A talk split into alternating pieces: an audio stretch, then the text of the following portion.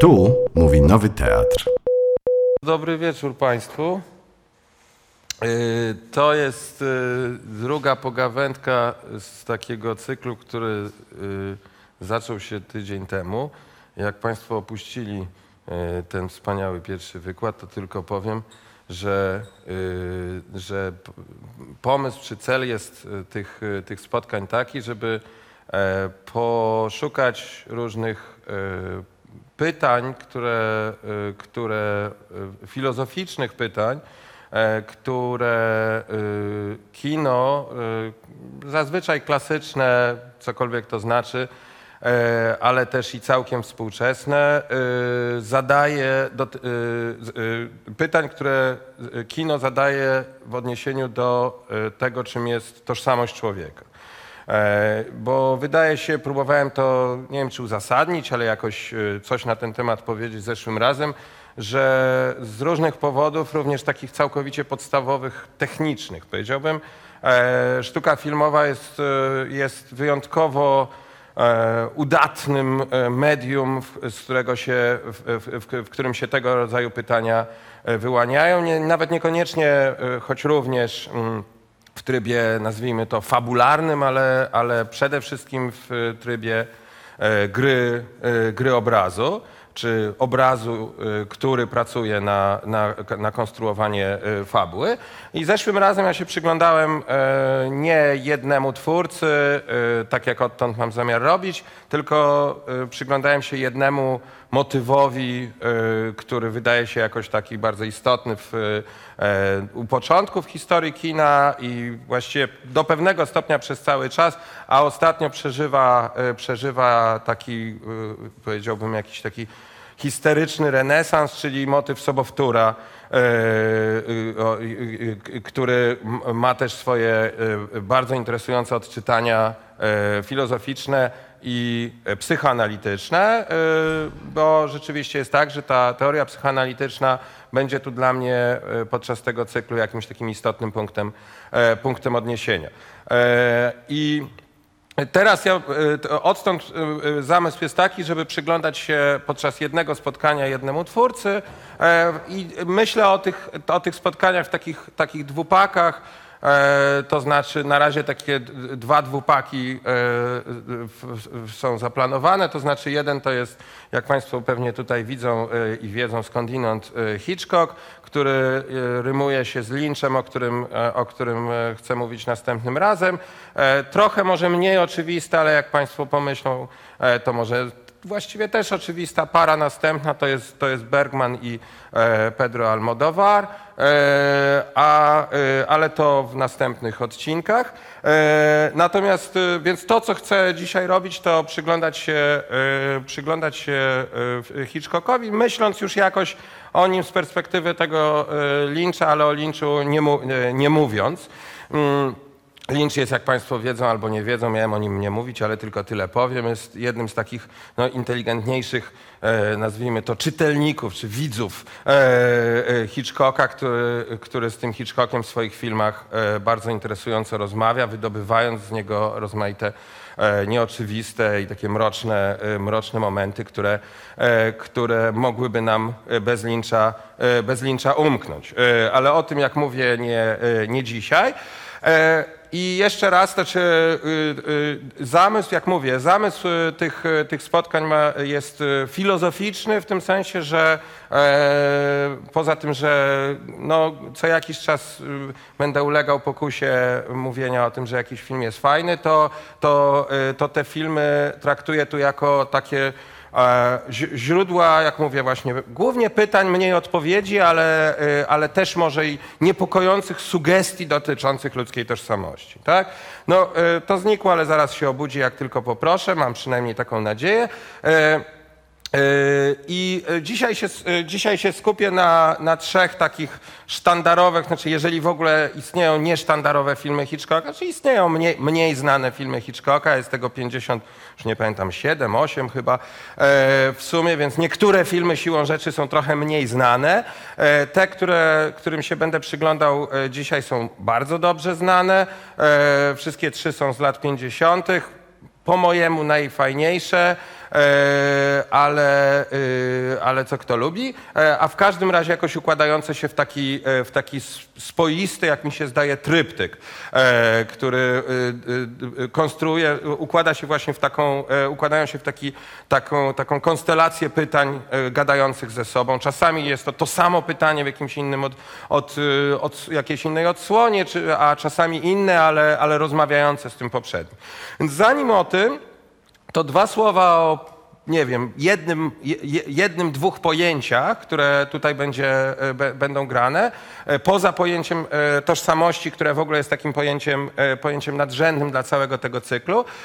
Ten, jeśli Państwo gdzieś Wam mignęło, ten, ten dzisiejszy wykład tak na, na, na próbę, na, na czuja, określiłem mianem to,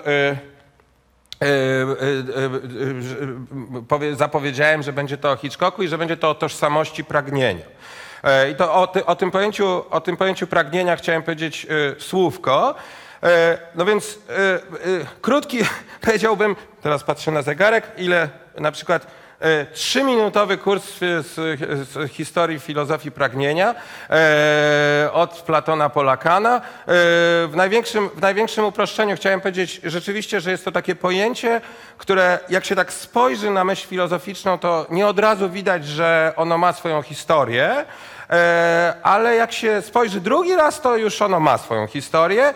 E, istotnie jest tak, że możemy rzeczywiście na przykład zacząć od Platona e, i przeczytać dialog uczta, który jak Państwo wiedzą albo nie wiedzą, albo nie pamiętają, jest poświęcony naturze miłości i jest poświęcony naturze siły, która, która koniec końców rządzi całym światem w rozmaitych swoich odsłonach, siły, która w tym dialogu określana jest mianem Erosa i i przyjmuje rozmaite, e, rozmaite postacie, cielesne, niecielesne, idealne, intelektualne, ale nawet w tych postaciach intelektualnych, i to chciałem bardzo mocno podkreślić, e, nadal jest pragnieniem, tak? To znaczy nie ma charakteru, nie jest, e, nawet jeśli ktoś bardzo by chciał odczytywać ten, e, ten, ten, e, ten tekst jako taki tekst, w którym e, e, idealizuje się, czy się waloryzuje, e, e, e, wy- wywyższa się e, dążenie e, o charakterze bezcielesnym, co pewnie istotnie tak w tym, w tej, w tym tekście jest, choć jest to tekst pełen e, za, zawrotności i przewrotności, nie jest to traktat, tylko dialog, więc dzieją się tam ro- rozmaite rzeczy. E, Ale nawet na tym poziomie, e, na, nawet na tym poziomie takim, nazwijmy to, intelektualno-wzniosłym, Cały czas mowa jest tam o pragnieniu, o pewnym dążeniu do pewnych, e, pewnego obiektu, którego się nie ma i który napędza naszą działalność duchową, nawet jeśli ona jest właśnie jakaś wielce wysublimowana i wielce, wielce bezcielesna, tak? czy pozacielesna. Ten moment dążenia czy pragnienia do czegoś, e, e, pragnienia czegoś, czego się nie ma, dążenia do czegoś, do brakującego obiektu, to jest taki, taki to jest coś, e, właśnie taki motyw, który można, od którego można prze, przeprowadzić, jak mówię, taką, e, taką linię, e, taką linię wiodącą przez, e, przez całą historię filozofii. To nie byłaby linia zapewne centralna, ale, ale by była.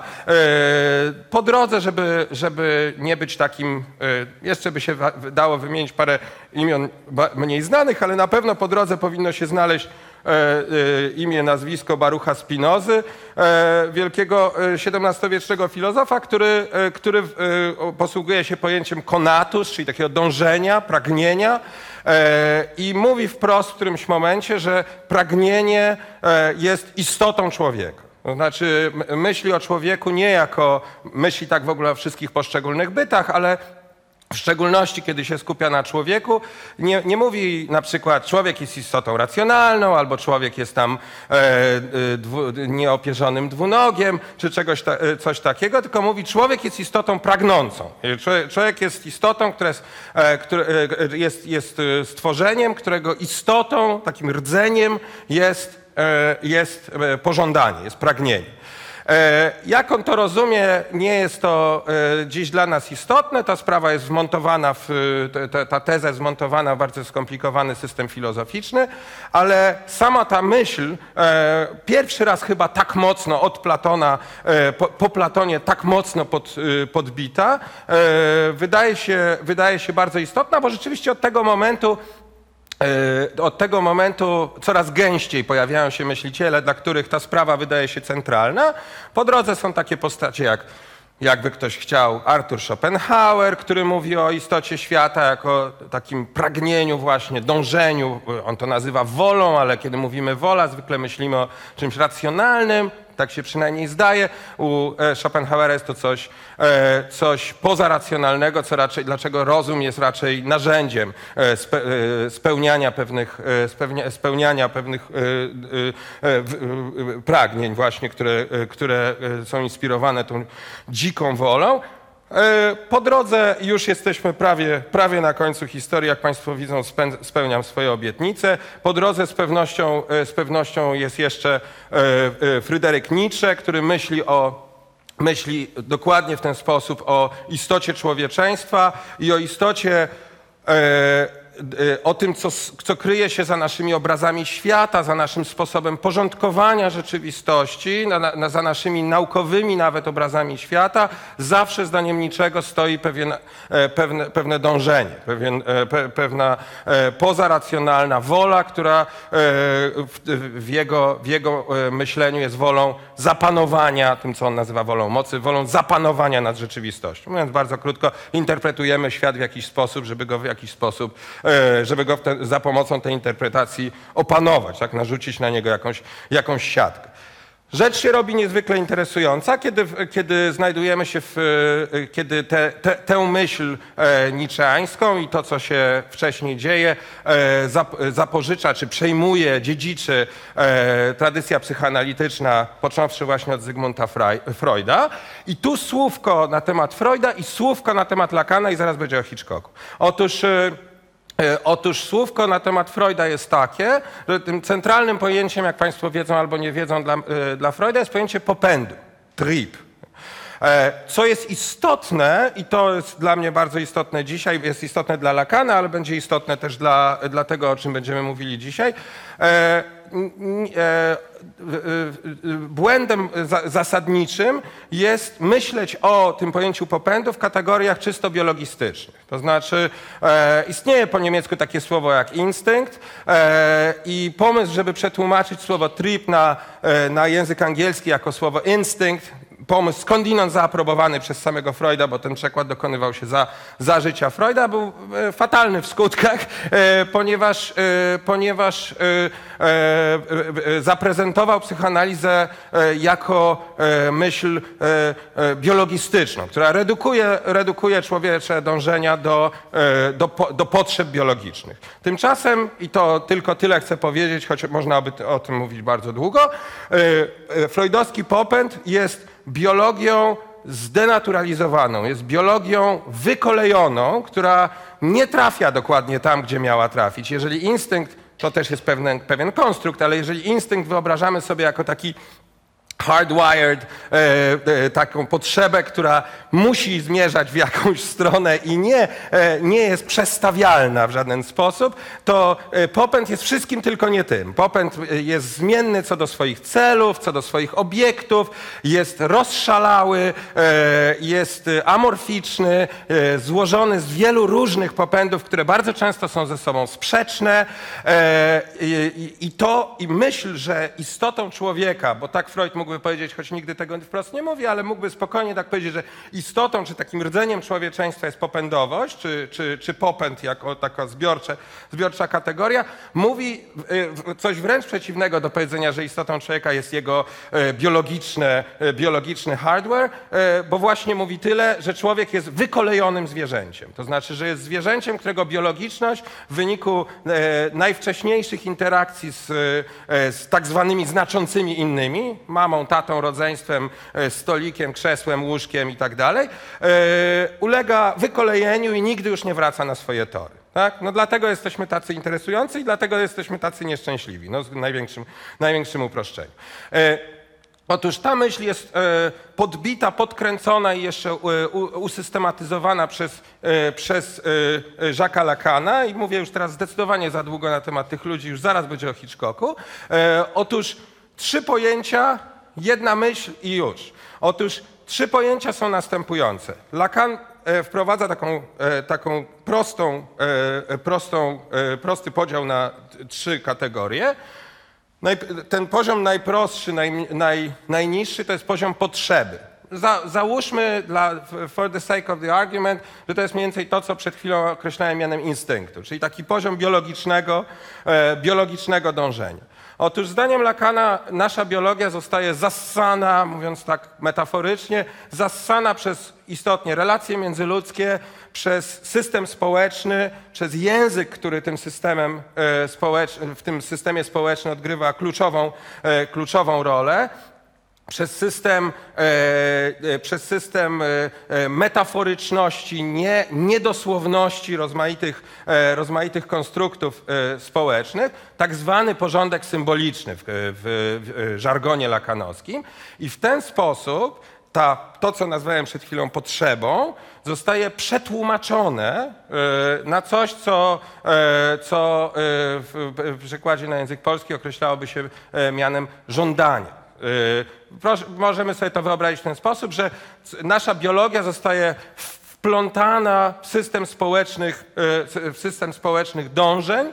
E, y, Zaczynamy chcieć rzeczy, które e, społeczeństwo od nas chce, żebyśmy je, ich chcieli, e, a przynajmniej w jakichś, żeby nasze, nasze potrzeby się lokowały w tego, tego rodzaju ramach. I tak to już idzie.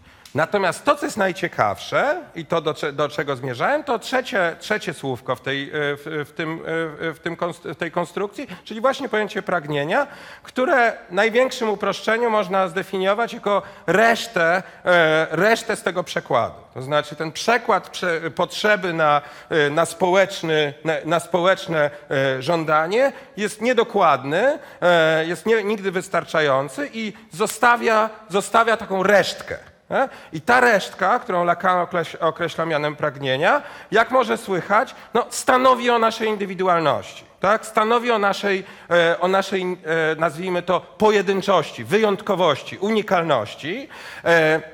Ponieważ my się przekładamy, czy zostajemy przełożeni e, nasze, z naszą cielesnością, z naszą biologią e, w jakieś miejsce, włożeni w jakieś miejsce systemu społecznego i e, podczas tego przekładu zostaje nam to coś, które określamy mianem pragnienia. I teraz relacja pomiędzy, pomiędzy pragnieniem a tym, a tym naszym codziennym poruszaniem się w systemie symbolicznym jest dosyć nieoczywista, mianowicie taka, że zasadniczo nasze pragnienie pozostaje ukryte również przed nami. E, Jest, mówiąc bardzo prosto, najnieświadomszym z, nie, z nieświadomych. Wpadamy na nie z rzadka, na przykład w filmach Hitchcocka, o czym zaraz, e, choć jest to dokładnie to, co nas określa, a zarazem w sposób niebezpośredni, w oczywisty sposób jest z nami cały czas, ponieważ stanowi o tym, że jesteśmy nieusatysfakcjonowani w, naszych, e, e, w, zaspokajaniu naszych żądań, tak? na, tym, na tym poziomie, nazwijmy to naszego takiego bytu społecznego i cały czas coś nam nie pasuje. I w tym sensie w ogóle to, że, że się poruszamy w tym, e, na tym poziomie społecznym, że czegoś ciągle w ogóle chcemy, tak? e, jest warunkowane przez to, że pozostaje ta ukryta resztka. Tak? E, W tym sensie pragnienie w postaci czystej, jeżeli w ogóle można o czymś takim mówić, e, ujawnia się z rzadka, ale z drugiej strony jest cały czas z nami, ponieważ, e, jeszcze, że jeszcze raz to powiem, e, wszelki ruch, który wykonujemy, koniec końców jest warunkowany przez pragnienie. Nasze nieustanne nieusatysfakcjonowanie, nasze nieustanne poczucie, że jest niedokładnie tak, jakbyśmy, jakbyśmy chcieli. Tyle, że ponieważ to pragnienie jest tak bardzo ukryte, to no, najczęściej ono rozmija się z tymi e, za, zawsze chwilowo zdefiniowanymi celami na, te, e, w, tym, e, na tym, w tym porządku naszego bytu e, społecznego i zawsze, kiedy już dojeżdżamy do jakiegoś e, czegoś, co wyglądało przynajmniej lokalnie na, e, na cel, okazuje się, że chcemy od tej rzeczy czy tej osoby czegoś zupełnie innego niż nam się wcześniej, niż nam się wcześniej zdawało. Tak? Dobrze. I teraz ostatnia myśl, e, ostatnia myśl, którą chcę, e, którą chcę Państwu sprzedać, wiąże się już z, bezpośrednio ze sztuką filmową i próbuję jakoś połączyć te, e, te, e, te wątki. Mianowicie Jedna z takich, Lacan jest, jest znany z, po pierwsze mętnego pisania, po drugie z, e, z umiejętności produkowania takich e, chwytliwych aforyzmów, które co jakiś czas się wyłaniają z tych e, z, z, mętnych wód jego, jego pism. Jeden z tych chwytliwych aforyzmów brzmi, że prawda ma strukturę fantazji. No, Brzmi to bardzo łojajku, e, ale myśl jest bardzo prosta. Myśl jest ta, prosta jak prosta po mojemu zwyczajnie trafna. E, Myśl jest taka. Jak ja sobie chodzę te, i teraz na Państwa patrzę, chodzimy po ulicach i tak dalej, e, jesteśmy, przebywamy wówczas w rzeczywistości, którą mamy obmapioną tym, co, co on nazywa e, systemem symbolicznym czy porządkiem symbolicznym i zazwyczaj nie natrafiamy w tym na żadne luki. Jakoś to idzie, tak? No, w chwilach krytycznych e, ten, ten system staje dęba i wtedy stajemy wobec, wobec czegoś niespodziewanego. Ale e, sztuka, są inne też przestrzenie, tak? Ale sztuka, w szczególności sztuka filmowa, e, może być postrzegana w najlepszych swoich wydaniach e, jako e, przestrzeń fantazji, w której, e, która również jest ustrukturyzowana podług pewnych prawideł tego porządku symbolicznego, ale ukazuje jego niespójność i ukazuje w związku z tym to, co Lacan określał mianem pragnienia potrafi ukazać obecność tego ukrytego elementu, czy tej ukrytej siły, która napędza wszystko. Nie? W związku z czym, i to jest, i to jest nasz, na, nasz kontakt z prawdą o nas, o nas samych, tak? bo ta prawda e, to, jest pra, to jest prawda o, o tym, czym naprawdę jesteśmy. Tak? No dobra, no i teraz proszę bardzo, e, krótka, e, krótki kurs E, Krótki kurs tożsamości, e, e, no, jesteśmy. E, Pragnienia w, w, w naukach e, Alfreda Hitchcocka. To już nie Lacan, tylko Lacan jako coś, co dostarcza ewentualnie jakiś ślad, śladowych pojęć, jeszcze ze dwa wrzucę po drodze. E, To już jest sam Hitchcock. To jak Państwo wiedzą, jak Państwo mam nadzieję rozpoznają, to jest Okno na podwórze, 54 rok. E, James Stewart i postać, która nosi e, czyli tak zwany Jeffrey. Jak Państwo pamiętają, nie pamiętają, mamy do czynienia z sytuacją, w której mamy, mamy fotografa, który podczas ostatniego wyczynu złamał nogę, w związku z czym jest unieruchomiony w swoim, e, w swoim mieszkaniu, nudzi się jak mops e, i gapi się e, przez tytułowe okno e, na podwórze, oglądając, e, oglądając jak widz w kinie, te, te, te analogie nie są tutaj e, w żaden sposób e, ukrywane, e, ogląda, e, ogląda poszczególne mieszkania e, e, swoich sąsiadów, jest bardzo gorąco, w związku z czym wszystko jest na widoku, wszyscy mają pootwierane okna, poroz, po, tak, po, e, po, poroz, porozciągane e, zasłony. Nie, e, nie ukrywa się też, e, i to e, warto o tym, warto o tym pamiętać, że Hitchcock nie, nie, nie czai się specjalnie. Nie ukrywa się też, że jest bezpośredni związek między tym, co on widzi, a jego życiem erotycznym i prywatnym. Mianowicie jest to człowiek, który, jak Państwo pamiętają albo nie pamiętają, ma narzeczoną, którą gra Grace Kelly, która jest osobą z innego świata, ponieważ jest, jest damą ze świata mód i jest zawsze pięknie ubrana, jest zawsze, e, za- nigdy nie nosi tej samej sukienki. W ogóle jest klawa tak naprawdę, bardzo. On jest hamidłem, jak może Państwo mówią, pa, pamiętają, mówi do niej bez przerwy, zamknij się, nie? Stra, strasznym burakiem. Ona go cały czas namawia na, na małżeństwo, on się broni. Ta sytuacja złamanej nogi, nie chcę się nad tym rozwodzić, ale ta sytuacja złamanej nogi jest też wygodna dla niego w tym, również w tym sensie, tak? Nie musi pracować, ale również może odroczyć decyzję, decyzję na którą nastaje e, jego, e, jego narzeczona. E, Jest, jest zupełnie oczywiste, że to, co on widzi, nawet nieco nazbyt łopatologiczne, to, co on widzi w tych, e, w tych oknach, jak może Państwo pamiętają, to są różne odsłony życia małżeńskiego, bądź niedomałżeńskiego, bądź przedmałżeńskiego, e, bądź staropanieńskiego, bądź starokawalerskiego.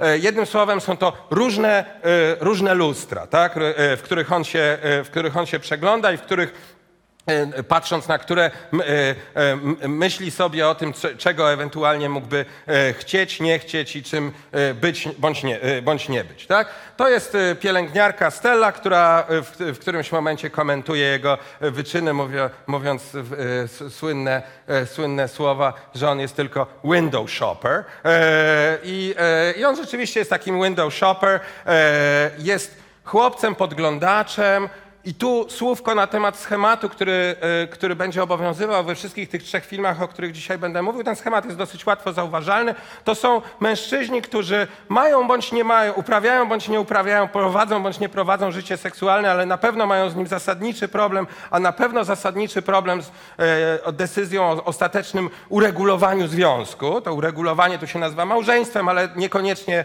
e, małżeństwem musi być. Są to, są to również e, zazwyczaj mężczyźni, którzy są, mają jakąś bardzo silną postać e, matczyną bądź quasi-matczyną e, przy sobie.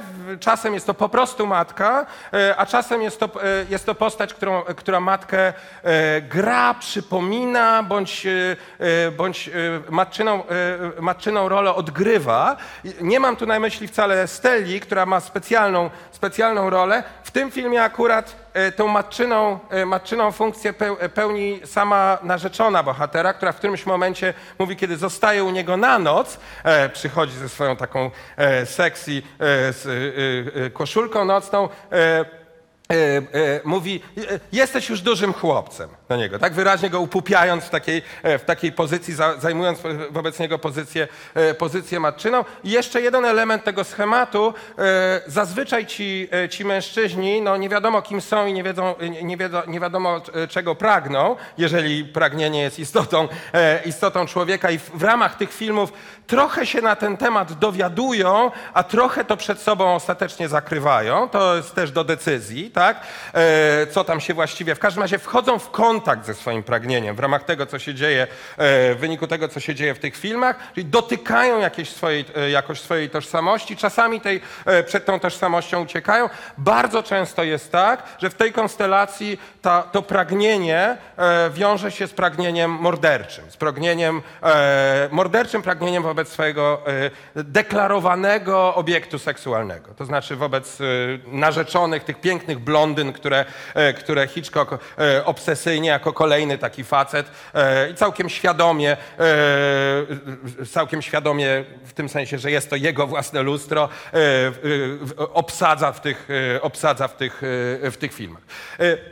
Więc tu pierwsza, pierwsza słynna scena to jest moment, w którym Kurde. E, e, jak Państwo pamiętają albo nie pamiętają, w jednym z tych, e, jedną z tych okienek, tych przegródek dokonuje się, dochodzi do morderstwa i to jest właśnie też dowcip tego filmu, który ja bardzo lubię, znaczy nie cały dowcip, tylko dowcip tego filmu, że tam nie ma żadnej tajemnicy, tak?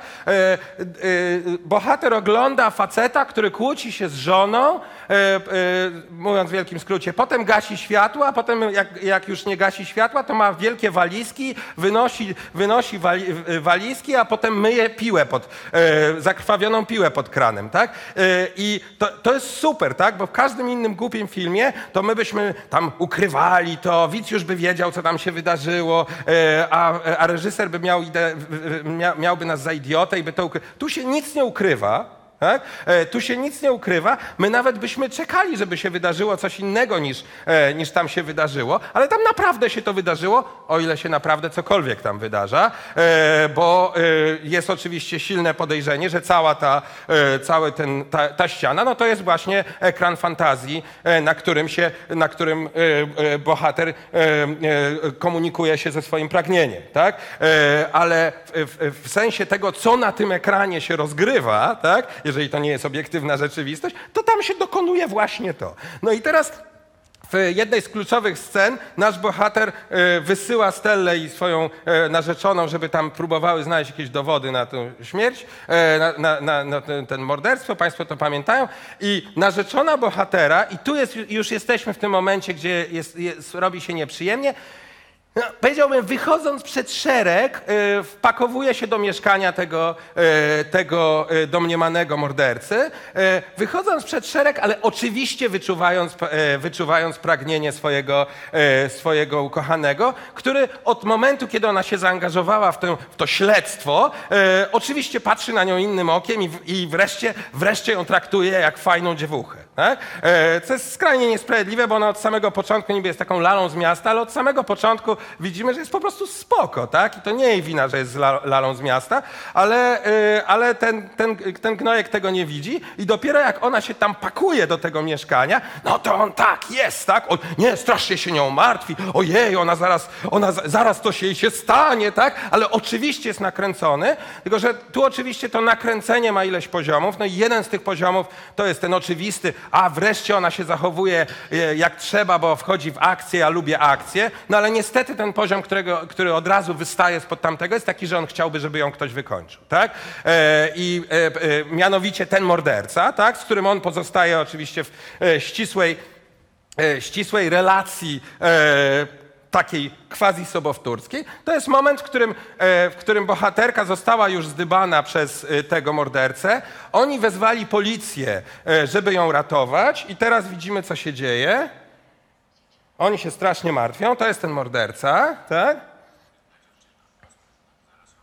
Zaraz ją aresztują, sprytna dziewczyna i teraz taran, Widzieli Państwo, tak? Ona pokazuje w tym momencie to, co, to, co zdybała, to znaczy dowód na to, że. Do, dowód zbrodni, tak? Ale równocześnie, tak? Obrączkę, tak? Ale równocześnie to jest oczywiście. e, Ona pokazuje to paluszkiem, tak? E? E? Teraz, teraz już cię mam, tak? E, e, to jest oczywiście sygnał do naszego, do naszego bohatera i to jest ten moment, to jest moment, w którym ona pokazuje mu dowód, że znalazła dowód zbrodni, haha, ma dla niego skarb. To jest również ten moment, kiedy oni zostają zdemaskowani, tak?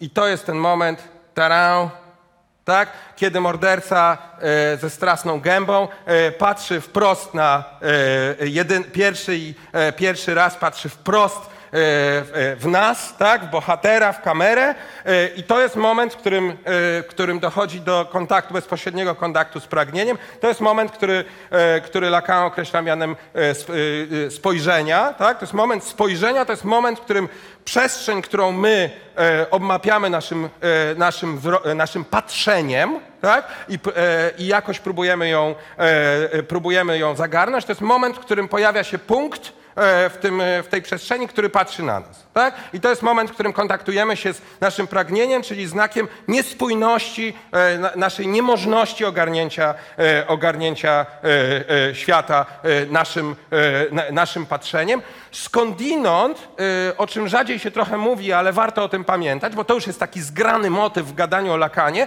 ale warto o tym pamiętać, że samo to patrzenie, które nazwijmy to jest z tego porządku, e, e, e, porządku, kiedy my jeszcze myślimy, że zapanujemy nad światem, tak? tego porządku e, dążenia, tak? tego takiego e, po- porządku żądania. Tak? to jest zawsze patrzenie naznaczone e, e, e, e, ciągłym dążeniem. To znaczy, to jest ciągle niewysycone patrzenie, tak? Bo ja, właśnie dlatego patrzę, że nie panuję nad światem i jeszcze chcę bardziej patrzeć, żeby jakoś sprawę, na- nad sprawą zapanować, tak? To jego patrzenie dotąd, tego naszego bohatera, to jest właśnie takie patrzenie, tak? On próbuje sobie ob, obmapić tą rzeczywistość, yy, ale ono jest cały czas, to jest unieruchomione ciało, można by powiedzieć tak, patrzymy dlatego, że jesteśmy ciałami tak? Yy, i jesteśmy ciałami, które nie, nie trzymają całego świata. Tak? Je- je- Jest, na, je- jest coś jeszcze poza nami i patrzymy na to porządliwie, pra, yy, yy, próbując spra- świat, świat wokół nas, opan- nad światem wokół nas zapanować, ale prędzej czy później, tak, i to, to, ten bohater jest w tym sensie taką idealną figurą patrzącego, bo to jest właśnie unieruchomione ciało, tak, yy, które, które tylko może patrzeć, yy, yy, ale w którymś momencie świat, świat spojrzy na nas e, z, z powrotem i powie, no nie, tak? E, nad tym nie zapanujesz. No i jak Państwo pamiętają albo nie pamiętają, e, ale teraz sobie, e, teraz to zobaczą, e, ta e, e, mistrzowska ostatnia scena tego, e, tego filmu, to jest scena, w której e, ten morderca, taki ciaptak, widzieliście to, tak? Znaczy, to też jest moim zdaniem genialnie dobrane, tak? To znaczy, nasz bohater jest przystojnym, tak przynajmniej słyszę, e, przy, przystojnym, e, przystojnym ło, e, łobuziakiem, tak? E, on by się nadawał na mordercę, fantastycznie, tak? Na detektywa, mordercę, whatever, tak? E, tamten jest taką tak, clumsy cia, ciapą taką, tak? E, takim, zaraz zresztą zobaczymy go w jeszcze najbardziej ciapciakowatej wersji, gdzie jest niby najgroźniejszy, kiedy przychodzi, e, przychodzi zamordować naszego bohatera, bo się właśnie zorientował, tak? Ale jest golemem. Tak? Jest taką straszną bułą, która ledwo chodzi w ogóle i jest tak naprawdę zupełnie, e, zupełnie przerażony e, tym, co, e, tym w, co się, w co się wpakował. Nie rozumie, co się dzieje, bo nie rozumie, czego ten od niego chce. E, nie rozumie, i to jest e, nie, nie tylko najmocniejszy moment, e, po prostu kulminacja filmu, tak? ale też, ale też, też moment, w którym ten nieszczęśnik zadaje to kluczowe pytanie. Tak? No, słynna, słynna scena, tak jak Państwo pamiętacie, albo nie pamiętacie, tutaj włazi ten morderca. E, Jedyne, co ma na swoją obronę nasz bohater, to jest lampa błyskowa, tak? E, czyli e, narzędzie do oświetlania, ale zarazem oślepiania i to jest jedyne, to jest to, co, to jest to, co on może zrobić, to oślepić tego mordercę, czyli oślepić to spojrzenie. Tak? Nie słyszymy tego.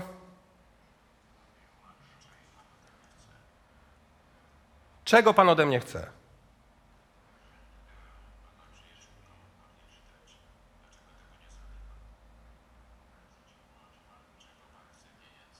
Czego pan chce, tak? I to, to jest kluczowe pytanie, tak? które pada we wszystkich tych filmach. Różne osoby zadają te pytania naszym bohaterom. I to jest super, tak? Bo to jest...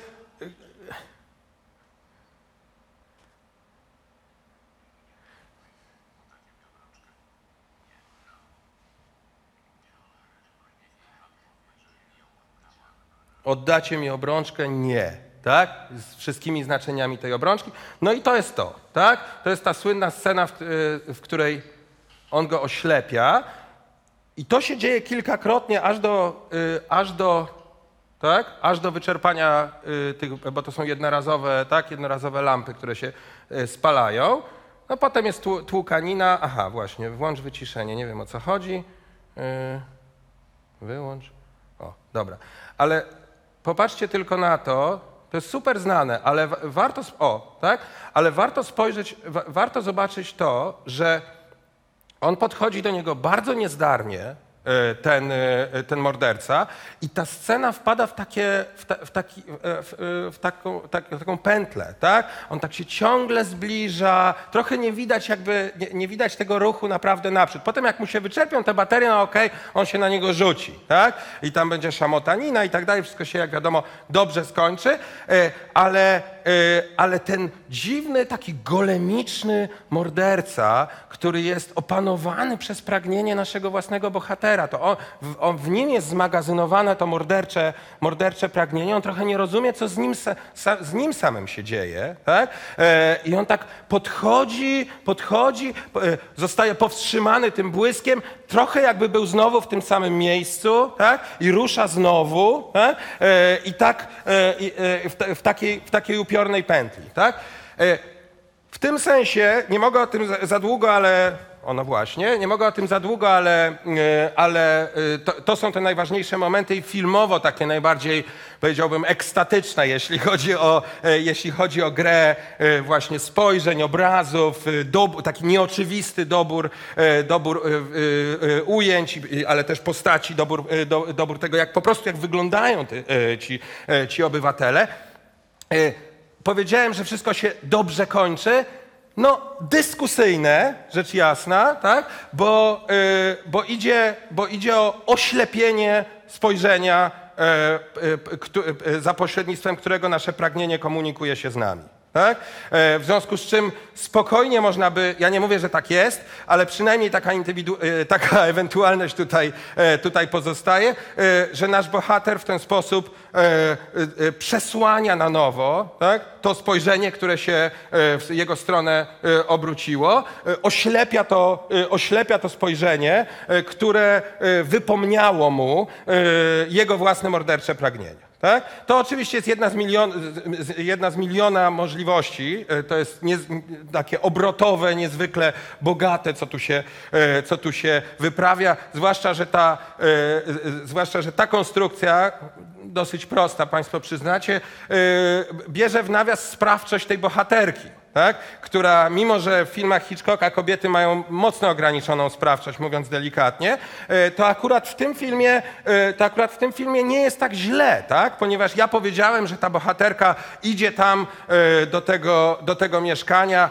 czując, że w ten sposób spełnia pragnienia swojego, swojego narzeczonego, alright, tak? ale, równie dob- ale, ale również, równocześnie, jak pokazywałem, kiedy ona tę najpiękniejszą scenę świata, po prostu jak ona mu pokazuje ten, tą, e, ten, e, tę obrączkę, to jest, jeśli to nie jest sprawczość, to nie wiem, co to jest sprawczość, tak? To jest taka scena, w której, e, w której ona mówi tak? I, i, I ona gra, tak? Więc to jest taki moment, w którym, w którym ona gra, tak? Oczywiście gra z własnym życiem, tak? I wie, że ryzykuje nieskończenie, tak? Ale... E, Ale to jest moment, w którym ona go do czegoś zmusza, tak? E, potem to zresztą sprawa jest trochę bardziej, ten finał, jak, jak Państwo pamiętacie, jest dosyć, jest niejasny ostatecznie, ponieważ on ma obie nogi złamane, tak? E, a ona udaje, że się przygotowuje do wypraw e, z, z nim, czytając, e, czytając o tym, jak to będziemy robili tam podróże wokół Kilimandżaro chyba, czy coś takiego, a kiedy on zasypia, to ona wyciąga Harper's Bazaar. Tak więc nie, nie wiadomo, jak to się właściwie kończy, tak? ale, ale ta, ta mroczna możliwość wydaje mi się, wydaje mi się ta, ta która, która mówi o tym, że ten, ten koleżka nie jest tu oczywiście najpotworniejszym, e, najpotworniejszym typem i co więcej, że został właśnie oślepiony, tak? To znaczy, że pragnienie się wyłoniło, a następnie zostało, e, zostało oślepione. E, Ta możliwość pozostaje. Dobrze, więc teraz e, to proste. Następne jest bardzo trudne. Yy, Ja nie wiem jak Państwo, ale ja wysiadam, to znaczy zawrót głowy. Yy, Wysiadam w tym sensie, że mm, yy, jak jest, to jest na ten temat kilkadziesiąt książek i moim zdaniem nie ma mądrych. Yy, Sławoj Żyżek, który poświęcił Hitchcockowi sporo uwagi, yy, robi w którymś momencie taki przegląd rozmaitych tekstów dotyczących zawrotu głowy, no, który jest takim naj, e, najambitniejszym e, intelektualnie, psychologicznie, ale też filmowo, jeśli chodzi o grę, e, grę ujęć e, filmem Hitchcocka. E, I Żyżek pokazuje, jak mylą się, ale na poziomie faktów, referowania faktów, jak mylą się tacy najwybitniejsi filmoznawcy, kiedy opowiadają ten film. I mówi, coś z tym filmem musi być niesamowitego, ponieważ i to jest taka super rzeczywiście, taka lista takich pomyłek, Począwszy, film, jak może Państwo pamiętają, dzieje się w San Francisco e, i nie, ma, nie da rady, żeby się dział gdzie indziej, bo jest taki jeden most, taki dosyć istotny tam pokazany i taka dosyć istotna scena e, się dzieje pod tym mostem. I jeden bardzo znany filmoznawca, który napisał grubą książkę na ten temat i idzie po prostu scena po scenie, bo jest to taki film, jak może Państwo pamiętają, że właściwie scena po scenie wymaga komentarza, mówi konsekwentnie, że film dzieje się w Los Angeles. E, więc e, coś jest tutaj naprawdę nie, tak, ale, ale też, co jest oczywiście ciekawsze, bo takie rypnięcie się, no to okej. E, To zresztą jest trochę drwina z ludzi, którzy pracowali nie na laptopach, gdzie mogli sobie tam przesuwać, tylko musieli latać do kina cały czas i 50 raz to Vertigo oglądać, tak? E, I notować sobie, nie wiem, czy Państwo widzieli sobie takie długopisiki, kiedyś krytycy mieli fajne z takim światełkiem. Kiedyś siedziałem koło Jerzego Płażewskiego, on siedział i sobie notował, tak? E, tam scena w szpitalu, tak? E, to te, teraz, tak, teraz tak nie mamy, ale, y, ale Żyżek pokazuje, i to jest rzeczywiście, rzeczywiście istotne, jak mylą się też ludzie, jeśli chodzi o, kiedy mówią, jak wygląda ujęcie, z jakiej perspektywy jest ujęcie. E, na przykład bardzo często mówią, że ujęcie z subiektywnej perspektywy bohatera, przy czym to jest nieprawda. Tak? E, e, Hitchcock w tym filmie, o tym nie mam, nie mam czasu, żeby o tym mówić, ale Hitchcock w tym filmie stosuje bardzo często takie ujęcie. Może to robi też w innych miejscach, nie wiem, ale w, w Vertigo robi to, robi to bardzo często i to jest niesamowite. Nie wiem, czy Państwo zauważyli takie ujęcie stąd. Kojarzysz, nie? E, takie ujęcie, jak trzeba pokazać, jak trzeba pokazać distress, takie jakieś napięcie i ukryte pragnienie bohatera, który, którego on nie pokazuje y, swojemu bezpośredniemu rozmówcy. Kamera go pokazuje stąd. Tak? Ją bądź jego, tak? Bo to y, jednej osoby tak nie pokazuje, co jest dosyć istotne, e, ale trójkę głównych graczy e, w ten sposób kamera, e, kamera pokazuje i to rzeczywiście jest dosyć niesamowite. To nie jest niczyje spojrzenie, tak? To jest taki, to jest taki look e, z takiej dziwnej, dziwnej, skośnej perspektywy, który, który od razu sygnalizuje, my to od razu wiemy, że ta osoba ukrywa przed ze swoim bezpośrednim rozmówcą, albo jeszcze znaczy pewnie innych, parę innych rzeczy, ale między innymi to, tak? Dobrze, więc teraz naprawdę tylko fragmenty. Scena, która, scena, która nie należy do najgłośniejszych, chyba, e, bo jest dużo, bo, bo ten film jest po prostu przepakowany wielkimi scenami. Scena, która mnie w każdym razie e, rozbija za każdym razem, jak to oglądam, choć, choć jest, jak mówię, sceną po, poniekąd poboczną. Tak? E, scena, w której bohater, scena, w której bohater śledzi no, kogoś, kogo y, wmawia się mu, że jest żoną e, jego przyjaciela, łazi za nią, zakochuje się w niej. E, Mam nadzieję, że Państwo wiedzą, co się dzieje dalej. E, I pierwszy moment, pierwszy moment zatrzymania w takiej trajektorii, takim, takim kursie, on ją śledzi samochodem, potem Los Angeles albo Chicago, albo Nowym Jorku, gdziekolwiek to się dzieje, to jest to zatrzymuje się w, w takiej obskurnej, paskudnej uliczce. Ona się zatrzymuje i wchodzi w te drzwi. On się zatrzymuje w pewnej odległości, idzie za nią i popatrzcie, można to było, żebym ja się tak nie pozachwycał tym filmem tak bardzo, że zaraz będzie koniec, ale e, można to było zrobić zupełnie inaczej. Zaraz zobaczycie, może pamiętacie, co tam jest, a jeśli nie, ale nawet jak pamiętacie, można to było zupełnie inaczej. Można było od frontu, tylko że nie byłoby tego, co trzeba. Tak? E, e, zobaczcie, jak to wygląda. Można było w ogóle nie pokazywać tego, co tu się dzieje, ale się pokazało i to nie jest bez znaczenia. On włazi tutaj, tu jest rzeczywiście ciemno, obskurnie. Widzicie, miotła, tak? Jesteśmy na backstage'u, tak? Jesteśmy, jesteśmy po, po prostu po drugiej stronie świata, tak? Po, po takiej wewnętrznej stronie rzeczywistości. O, teraz kto komu, kto komu zabronił e, stanąć e, o- w, tej, w tej kwiaciarni od tamtej strony, tak? I wleść i przyglądać się, jak ona się gapi e, na kwiaty? Nikt nikomu nie zabronił, nikt go pod pistoletem nie trzymał, ale on chciał mieć ten efekt inkongruencji tych dwóch przestrzeni, tak? One nie, te, te dwa miejsca nie należą do tej samej przestrzeni. On teraz patrzy na, na ekran fantazji, tak? E, otwiera drzwi i jest w zupełnie innej rzeczywistości. Chociaż jest to kobieta, którą skądinąd przed chwilą widział, tak? Ale ona weszła, widzicie, w, te, w taką przestrzeń. Co lepsze i po prostu olśniewające, tam jest lustro. Nie wiem, czy pamiętacie, ale zaraz to zobaczymy. Ona będzie się, ona podejdzie do tego miejsca.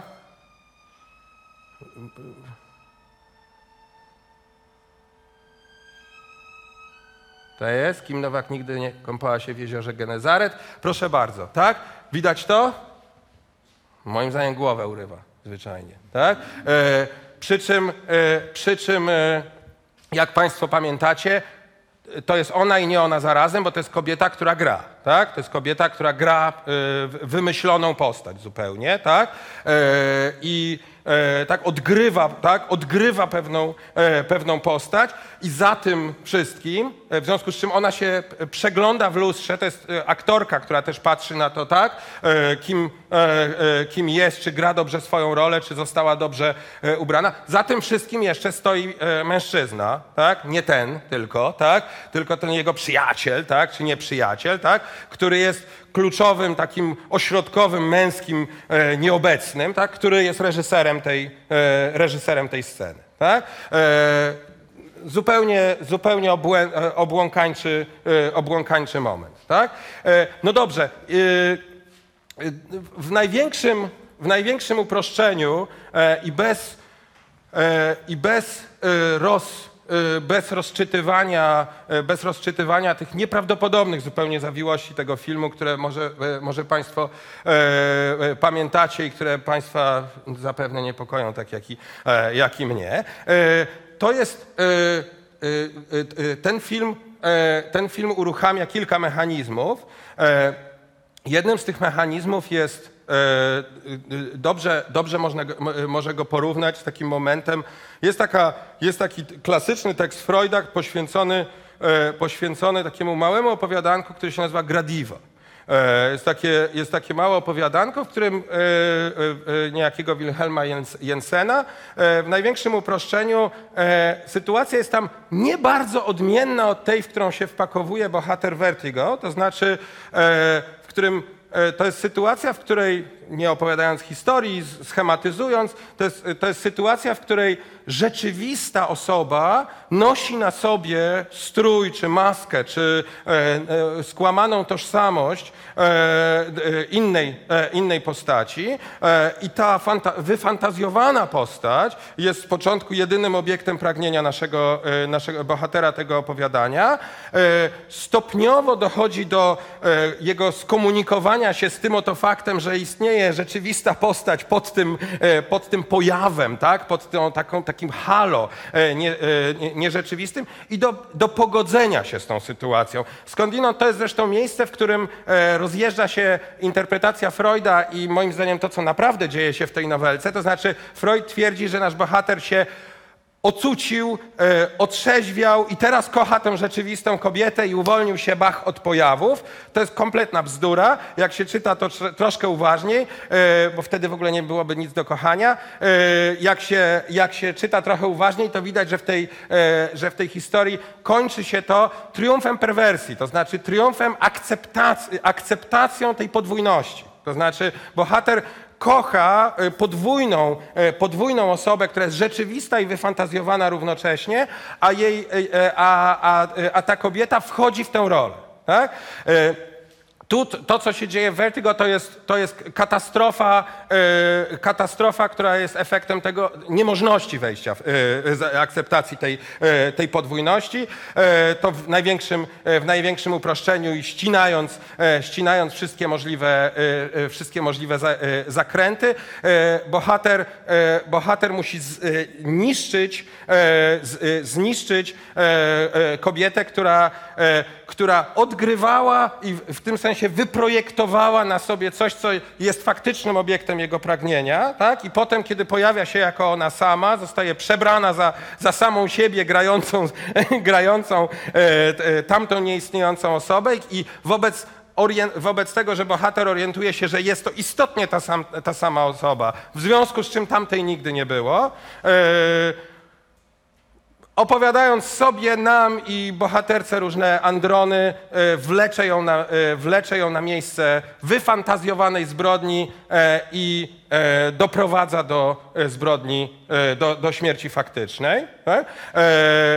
Znowu to mordercze pragnienie wybucha, wybucha w nim wybucha w, e, w nim samym e, wobec niemożności akceptacji czegoś, e, co, e, co akceptuje e, bohater e, Gradiwy, choć nie akceptuje bohater e, Zygmunt Freud, e, mianowicie e, e, kompozytowego, fantastyczno-rzeczywistego charakteru obiektu naszych pragnień. To znaczy, że jest taki moment, jest taka możliwość, e, której, którą nie dysponuje ten, e, ten bohater, e, z różnych powodów, również dlatego, że jego pragnienie jest zapośredniczone przez tego nieobecnego mężczyznę. Tak?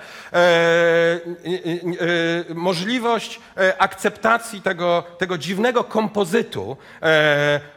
Okej, nic w rzeczywistości nie spełnia naszych pragnień, w porządku, tak? Ale, e, ale, ale, e, ale ludzie potrafią grać e, i grając pewne rzeczy, jako przebrani, półrzeczywiści, odgrywający różne, różne role, potrafią komunikować się z naszymi pragnieniami nie tylko, nie tylko na takim poziomie, na jakim, na jakim jaki ostatecznie jest jedynym dostępnym dla tego bohatera, czyli poziom mordu.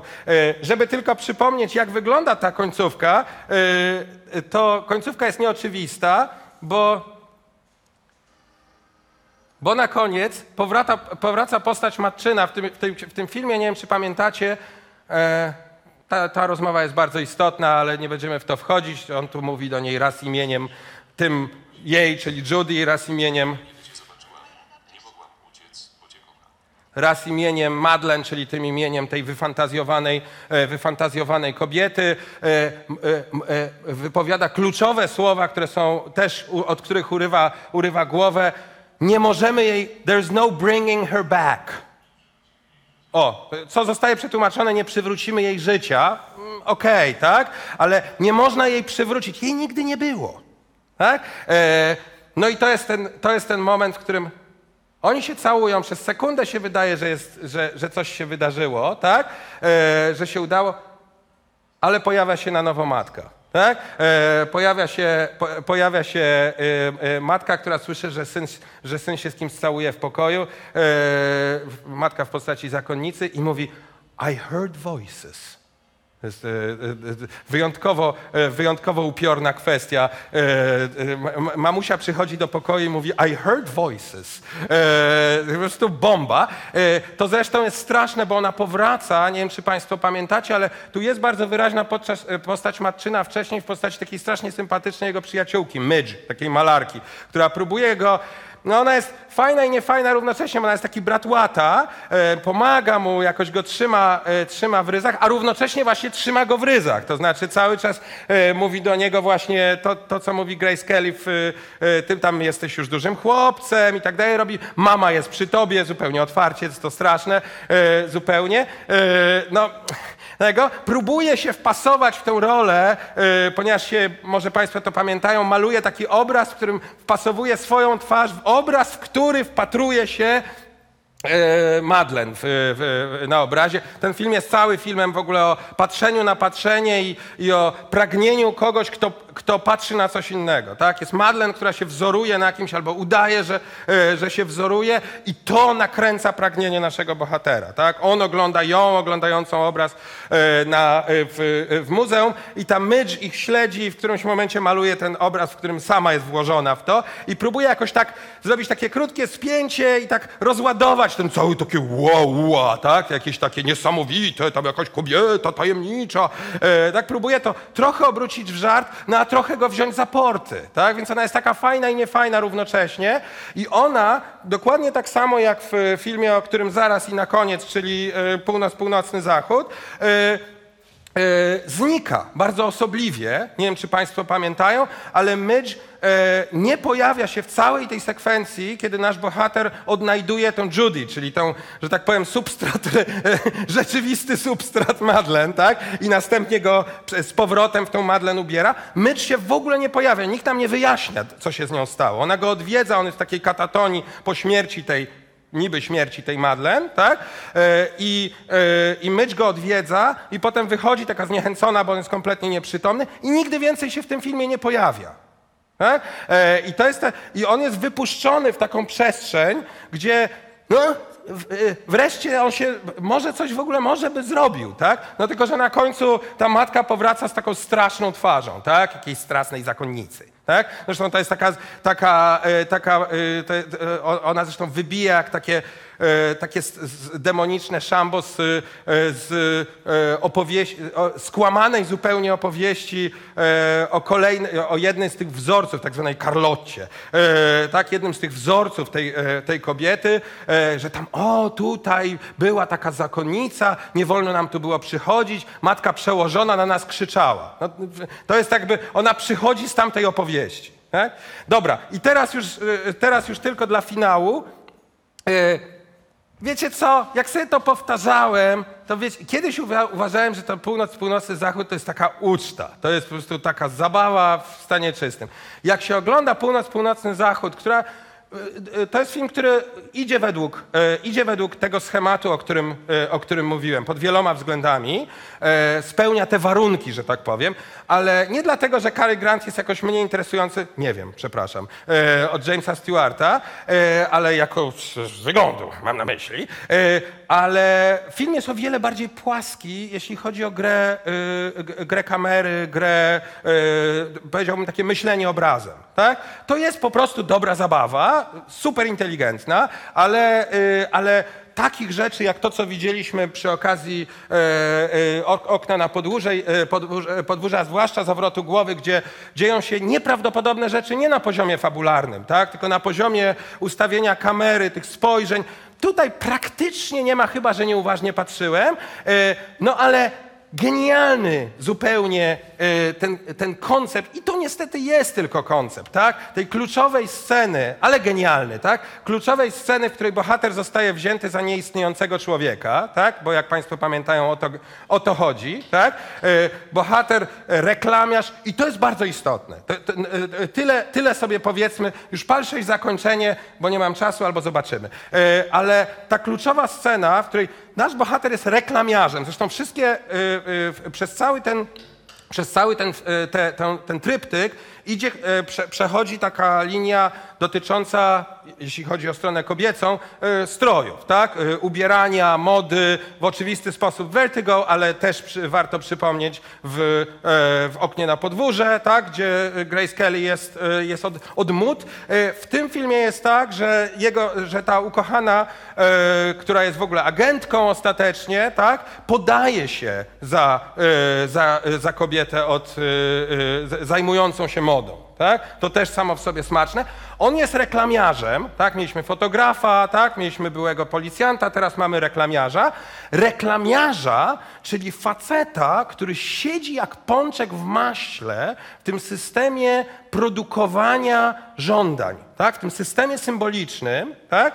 E, który wytwarza, który mówi to na początku przed tą sceną, tak? kiedy jest pokazany jako taki właśnie ślizgacz e, reklamiarski, e, e, jako człowiek, który nie wierzy w fakty, wierzy tylko w interpretacje, które, które można wciskać ludziom na, na różne sposoby, po to, żeby oni kupowali. Tak? W związku z czym to jest gość, którego tożsamość rzeczywiście jest żadna, ale też nie jest jakaś, to nie, to nie jest e, e, człowiek bez tożsamości w takim sensie, że on ma na tym etapie, tak, e, że to jest jakiś gość z jakąś wyrwą w sobie. To jest raczej gość, który nie posiada tożsamości, ponieważ właśnie się ślizga po tym świecie, tak, i tak sobie porusza się, e, po, e, e, e, porusza się e, e, po tym świecie bez, bez żadnego tarcia.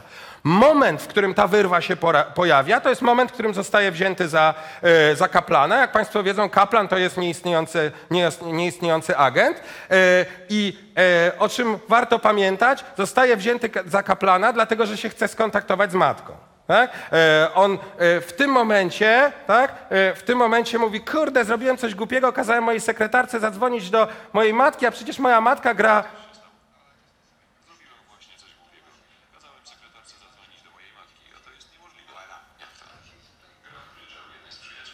Tak?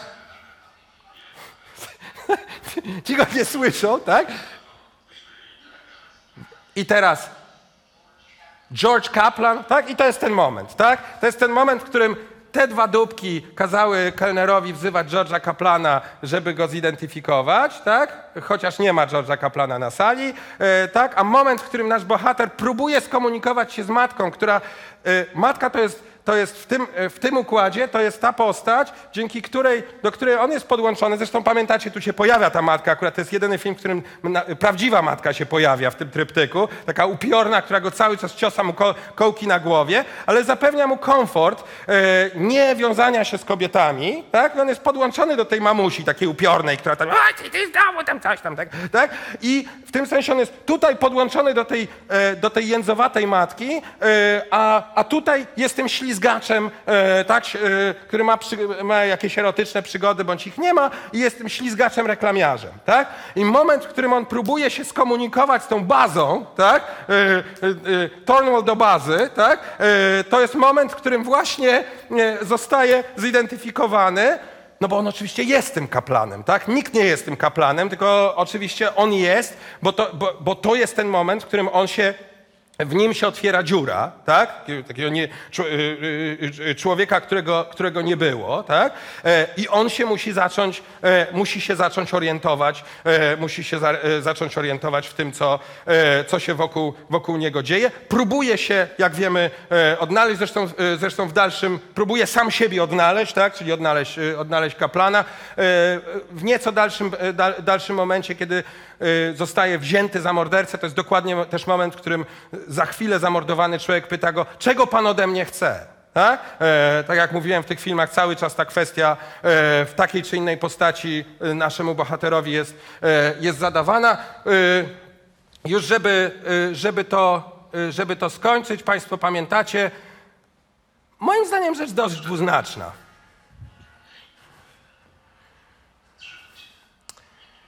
Tak, prezydenci, oni wiszą na tych prezydentach, pamiętacie, tak? Jeszcze. No a teraz już jesteśmy w salonce i już jesteśmy po ślubie. I to się nazywa, że to jest happy end.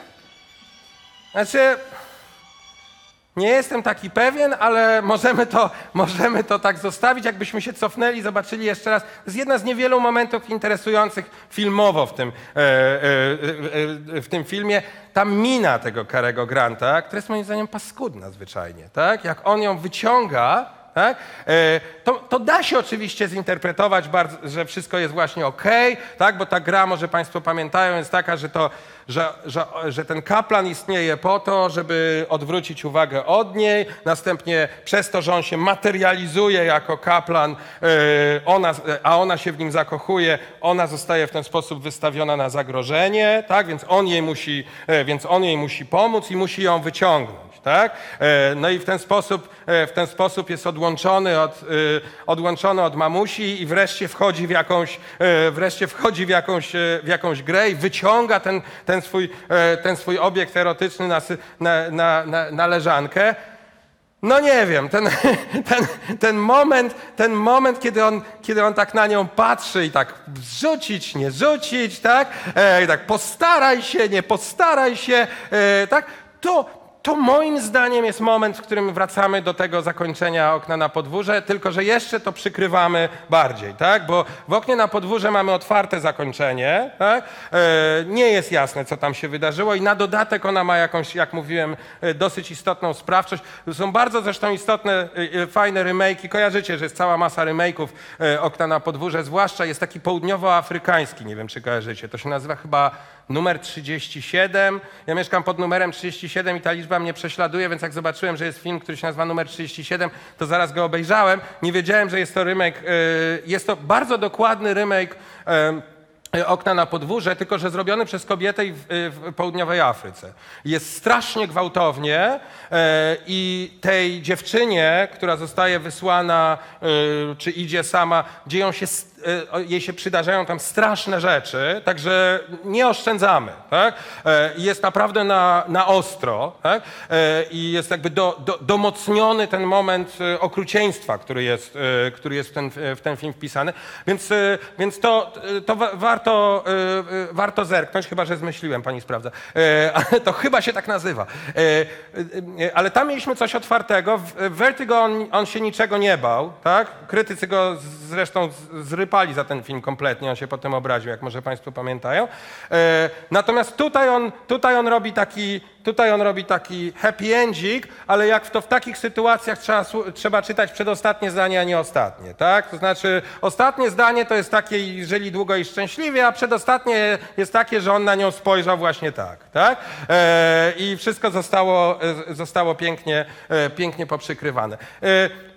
To, że następne jest y, psychoza, no to oczywiście jest jakoś tam e, wiele mówiące. Kto lubi, to lubi. Ja nie przepadam, ale bo też powiedziałbym, za bardzo się właśnie karty na stół e, tam e, wywala, choć kamera wyprawia, jak wiadomo, rzeczy zupełnie niesłychane i o tym można by mówić całe życie. Ale ciekawiej chyba, kiedy, e, kiedy te rzeczy są e, trochę bardziej pochowane, pochowane w takich głupstwach, tak? E, jak to, no te dwa poprzednie filmy to nie są, e, to w ogóle nie są głupstwa, ale to jest, tak? A mimo to, e, mimo to ten kontakt, e, kontakt człowieka z własnym, e, z własnym pragnieniem, które niestety tutaj przybiera zazwyczaj e, postać, e, postać e, przynajmniej zakażona tą postacią, e, tym elementem morderczym, wobec, jak mi się zdaje, właśnie nieumiejętności, tak, niemożności ja nie mówię tam Hitchcocka, tak? Vertigo zresztą jest filmem, jak Państwo wiedzą, w bardzo mocnym sensie e, e, autobiograficznym, w takim sensie, że te sceny, w których James Stewart przebiera, patrzy tym okropnym, tym gębą swoją, przepraszam, przystojny mężczyzna, rozumiem, tak?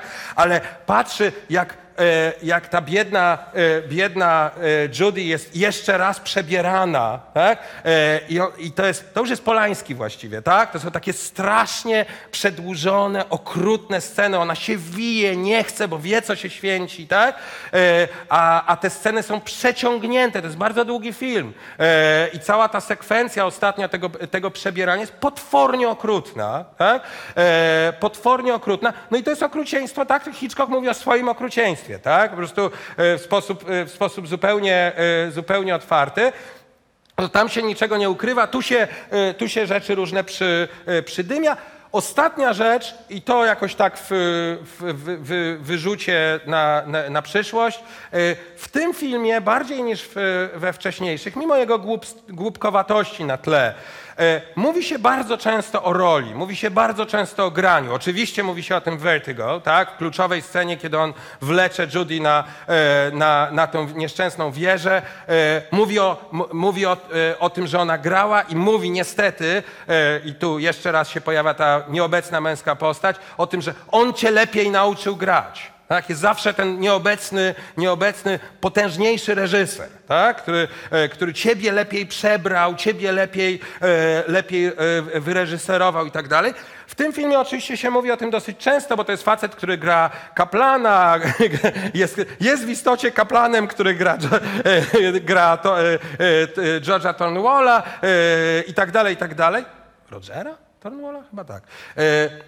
E, Kilkakrotnie mówi się o tym, że e, ci zbrodniarze mówią, o, którzy biorą go za agenta, mówią, no wy, agenci, to musicie, przydałoby wa- wam się actor studio, bo coś wam kiepsko idzie ta, e, kiepsko, kiepsko idzie ta rola, ale następną rolę, czyli rolę trupa, zagra pan znakomicie, tak? E, Co jest zresztą kapitalne, bo, bo skądinąd on zaraz potem będzie musiał rzeczywiście zagrać rolę, e, rolę trupa.